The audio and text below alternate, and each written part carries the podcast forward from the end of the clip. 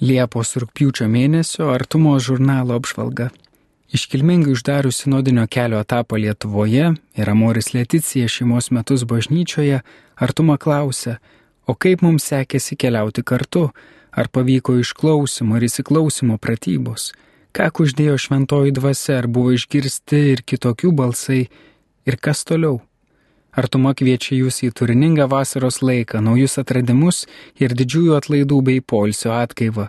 Dvigubas numeris, dvigubam džiaugsmui ir malonumui, netikėtas ir įdomiai derantis šių metais teminis dvigarsis bažnyčioje - šeima kaip meilės džiaugsmas ir sinodinis kelias, kurio didysis siekis - tiesos imperatyvas, net jei toji tiesa ne visada patogi, graži ar džiuginanti Abi temas iš esmės sieja aistringas popiežiaus pranciškus troškimas, raginantis bažnyčią atsinaujinti.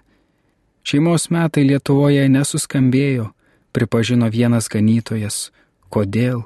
Ar vis dėlto įmanomas meilės džiaugsmas šių dienų žmogiškose dramose, ar popiežius pranciškus nepataisomas vajoklis? Artuma kalbina pagrindinį sinodo koordinatorių Lietuvoje telšių vyskupą Algerdą Jurevičių Sinodinio kelio esmė yra neparuošti apibendrinimus ir padauginti dokumentų skaičių, bet išmokyti kalbėjimo ir klausimosi kultūros, teigia ganytojas. Ar priemė šį bažnyčios kvietimą tikintieji ir bažnyčios nelankantieji?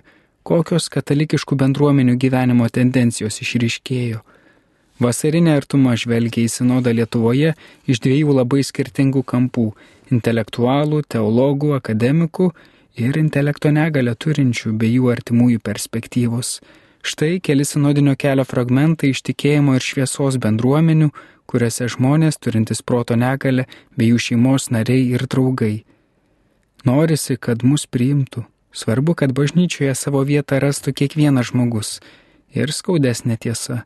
Aš turėjau keletą metų prašyti, kad paruoštų sakramentams mano dukrą su negale. Kiti tėvai dažnai nuleidžia rankas. O štai Sinodo akademinės grupės vienas iniciatorių, kunigas profesorius Romualdas Tulskis, trumpai apžvelgė savo grupės įžvalgas bei pasiūlymus klausė, ar šis sinodinis kelias liks tik dar vienu eiliniu formaliu renginiu, gal vis dėlto tie svarstymai neužsigulės kurį jūs stalčiuose, bet taps bažnyčios gyvenimo realybė. O ką dvasia atvėrė vienuolyjų bendruomenėms, pokalbio artumą pakvietė seserį Gintautę Gedrimaitę, Lietuvos moterų vienuolyjų aukštesniųjų vyresniųjų konferencijos pirmininkė, seserį Virginija Banzevičiūtė, vienuolyjų sinodinės komandos koordinatorė ir tėva Aldona Gudaitė, Lietuvos vyrų vienuolyjų vyresniųjų konferencijos tarybos nari. Svarbu, sako jie, kad seserys ir vėliau prisijungę broliai pradėjo daugiau kalbėtis tarpusavyje, dalytis patirtimis. Visi buvo minikėje paštalavimo darbus, bet atitolom vieni nuo kitų. Ar jų pokalbiuose veikia vien šventoji dvasia? Apie tai tėvo Aldono išvalgos, o karo situacija, anot sesers gintautės, apvalė nuo bereikalingų dalykų. Sesuo Viktorija Pliečkaitytė artėjant palaimintojo Jurgio Matulaičio atlaidams Marijampolėje sklaidė ir citavo tėvo Jurgio darbus bei išvalgas ir lygino su dabartiniu sinodo keliu. 1923 spalio 12 dieną Matulaitis oficialiu raštu pranešė, kad nusprendė sušaukti sinodą. Kodėl? Nes pasaulis nebuvo ramus ir paprastas, rašo sesuo Viktorija, praėjus visam šimtmečiui pasaulis ir vėl kryškelėje. Didžiųjų žemaičių kalvarijos atlaidų išvakarėse artuma užsuko į plungės Švento Jono Krikštitojo parapiją, kokiamis tradicijomis jį vadovaujama kunigo Vytauto Gedvainio alsuoja kaip sekasi parapijai sutarti su savo vedliu, kokiais bruožais pasižymi šį išskirtinę ir visai tradicinę bendruomenę, ką patiems reiškia Žemaičių kalvarija, kalnai ir lurdas, skaitykite vasaros artumoje. Popiežius Pranciškus įstabę homiliją užbaigė šeimos metus. Visi jūsų toktiniai, kurdami šeimas, padedami Kristaus malonės, priemėte drąsų sprendimą - laisvę naudoti ne savo, bet mylėti asmenis, kuriuos Dievas pastatė šalia jūsų, sakė Pranciškus. Bažnyčia nuo popiežiaus taip pat prasidėjo nuo šeimos, šventosios šeimos, ir tai yra viena svarbiausių kiekvienos šeimos jungčių su Dievu.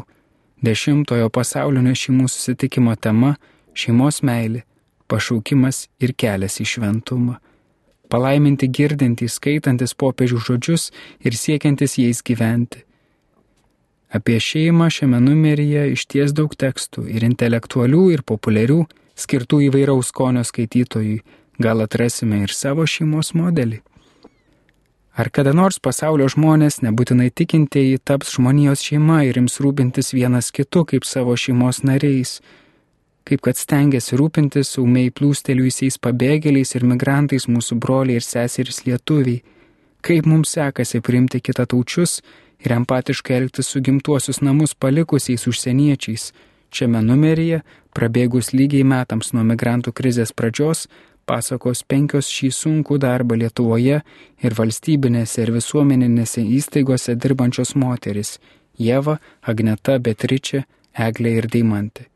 Artumos redaktorius Darius Mieliauskas rubrikoje Kurėjo žvilgsnis kalbina dailininką ir žurnalistą Vaidotą Žuką.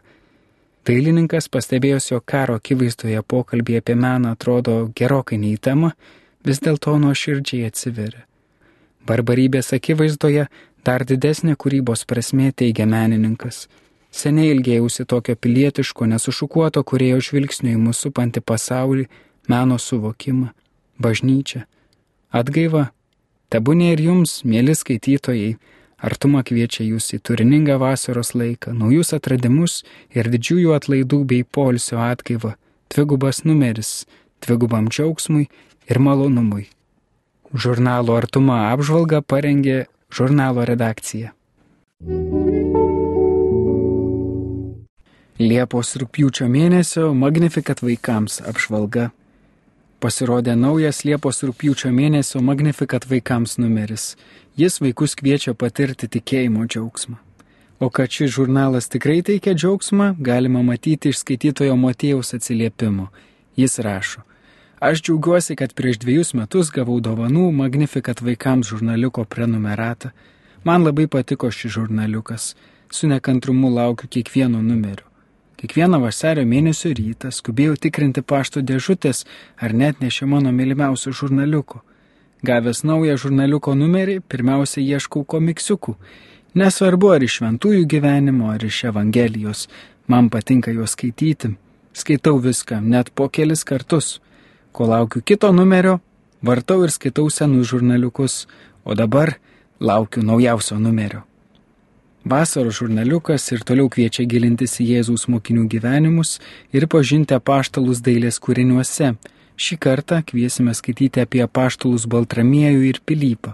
Susipažinus su jais, galima atlikti smagias užduotis, kurios padės pasitikrinti, kaip gerai vaikai moka atpažinti apaštalus ir jų simbolius.